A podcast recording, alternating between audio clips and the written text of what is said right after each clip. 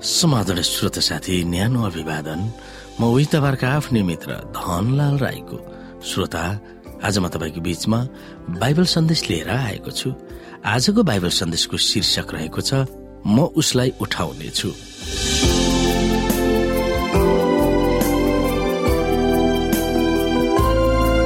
श्रोता एउटा आश्चर्य काममा यसुले थोरै माछा र रोटीलाई पाँच हजारलाई खुवाउनु भएको थियो।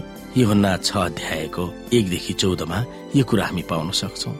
यसुले त्यत्रो खाद्यान्न आपूर्ति गरिदिनु भएकोमा उहाँप्रति आकर्षित भएर भिडले उहाँलाई राजा बनाउन खोजेका थिए। यसु यस संसारको राजा हुन आउनु भएको थिएन।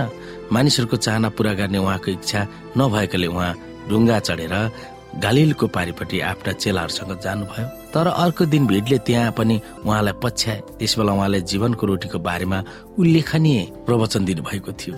त्यस प्रवचनमा अनन्त जीवनको उपहारको बारेमा विशेष जोड दिनुभएको थियो। यसैले योहन्ना छ अध्यायको छब्बिसदेखि एकाउन्नमा अनन्त जीवनको उपहारसँग धर्मीहरूको अन्तिम पुनरुत्थानलाई गाँस्नु भएको थियो। आउनुहोस् हामी हेरौँ यहाँनिर। समुद्र पारिरहेको भिडले भोलिपल्ट त्यहाँ एउटा मात्र डुङ्गा देखे। तिनीहरूलाई थाहा थियो कि यसो आफ्ना चेलाहरूसँग डुङ्गामा चढ्नु भएको थिएन तर उहाँका चेलाहरू मात्र गएका थिए। तब तिबेरियासबाट अरू डुङ्गाहरू त्यस ठाउँको नजिक आए जहाँ प्रभुले धन्यवाद चढाएपछि तिनीहरूले रोटी खाएका थिए। यसो उहाँका चेलाहरू त्यहाँ नहुनु भएको थाहा पाएर ती मानिसहरू यसोलाई खोज्दै डुङ्गाहरूमा चढेर कफर्न हुममा गए। तिनीहरूले उहाँलाई समुद्र पारी भेट्टाएर उहाँलाई सोधे रब्बी तपाईँ यहाँ कहिले आउनुभयो? यसैले तिनीहरूलाई जवाफ दिई भन्नुभयो साँच्चैमा तिमीहरूलाई भन्दछु तिमीहरू चिन्हहरू देखेर होइन तर अघाउन्जे रोटी खाएको कारणले मलाई खोज्दैछौ।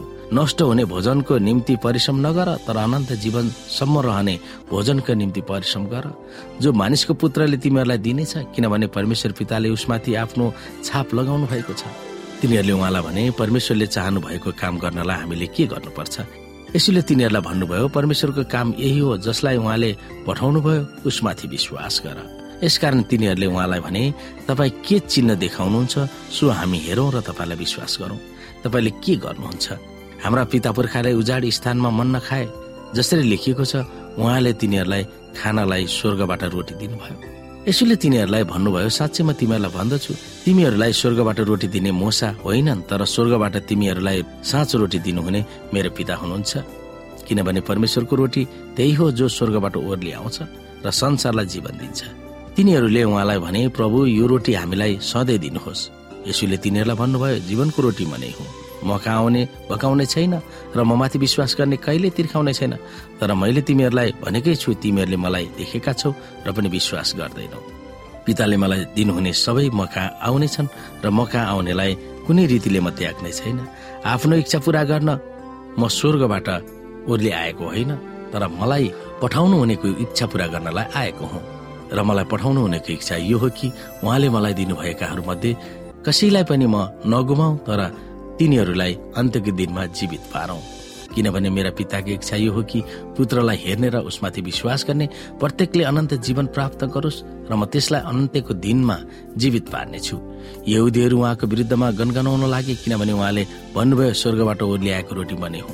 तिनीहरूले भने के यो यौसेफको छोरी यसु होइन? यसका बुबा र आमालाई हामी चिन्दैनौ र?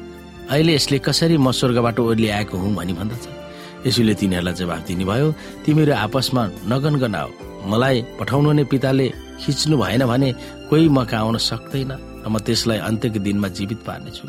अनि ती सबैजना परमेश्वरद्वारा सिकाइनेछन् अनि अगमभक्ताहरूका पुस्तकमा लेखिएको छ प्रत्येक जसले पिताबाट सुन्छ र शिक्ष त्यो म कहाँ आउँछ।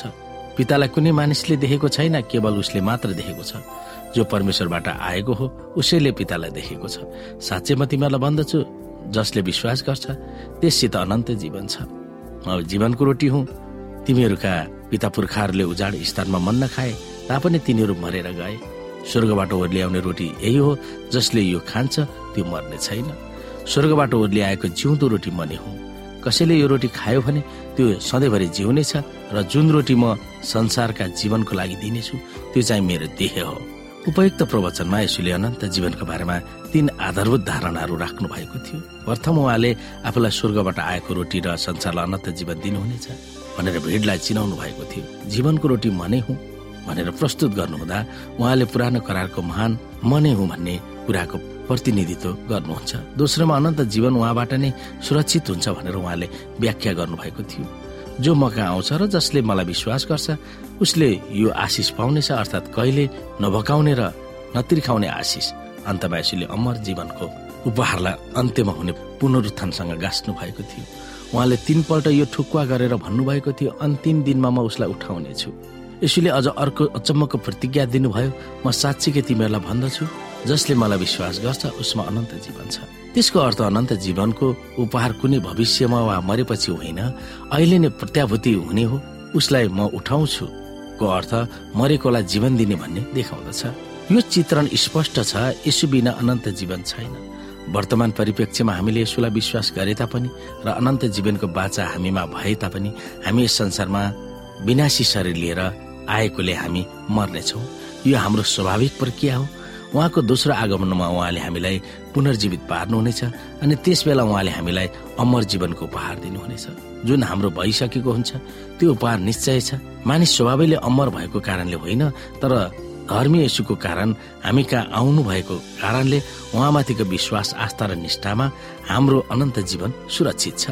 अन्त्यमा श्रोता यदि तपाईँले उहाँलाई विश्वास गर्नुभयो भने अहिले नै तपाईँसँग अनन्त जीवन छ भन्ने यसुका बोलीहरूको बारेमा ध्यान दिन हामी सक्छौ। यस अचम्मको प्रतिज्ञाले तपाईँ जुनसुकै दर्दनाक अवस्थामा रहनु भए तापनि त्यो अवस्था केवल अस्थायी र नाश हुनेछ भन्ने कुरामा तपाईँ कसरी ढुक्क हुन सक्नुहुन्छ त्यो विषयमा तपाईँ सोच्न सक्नुहुन्छ।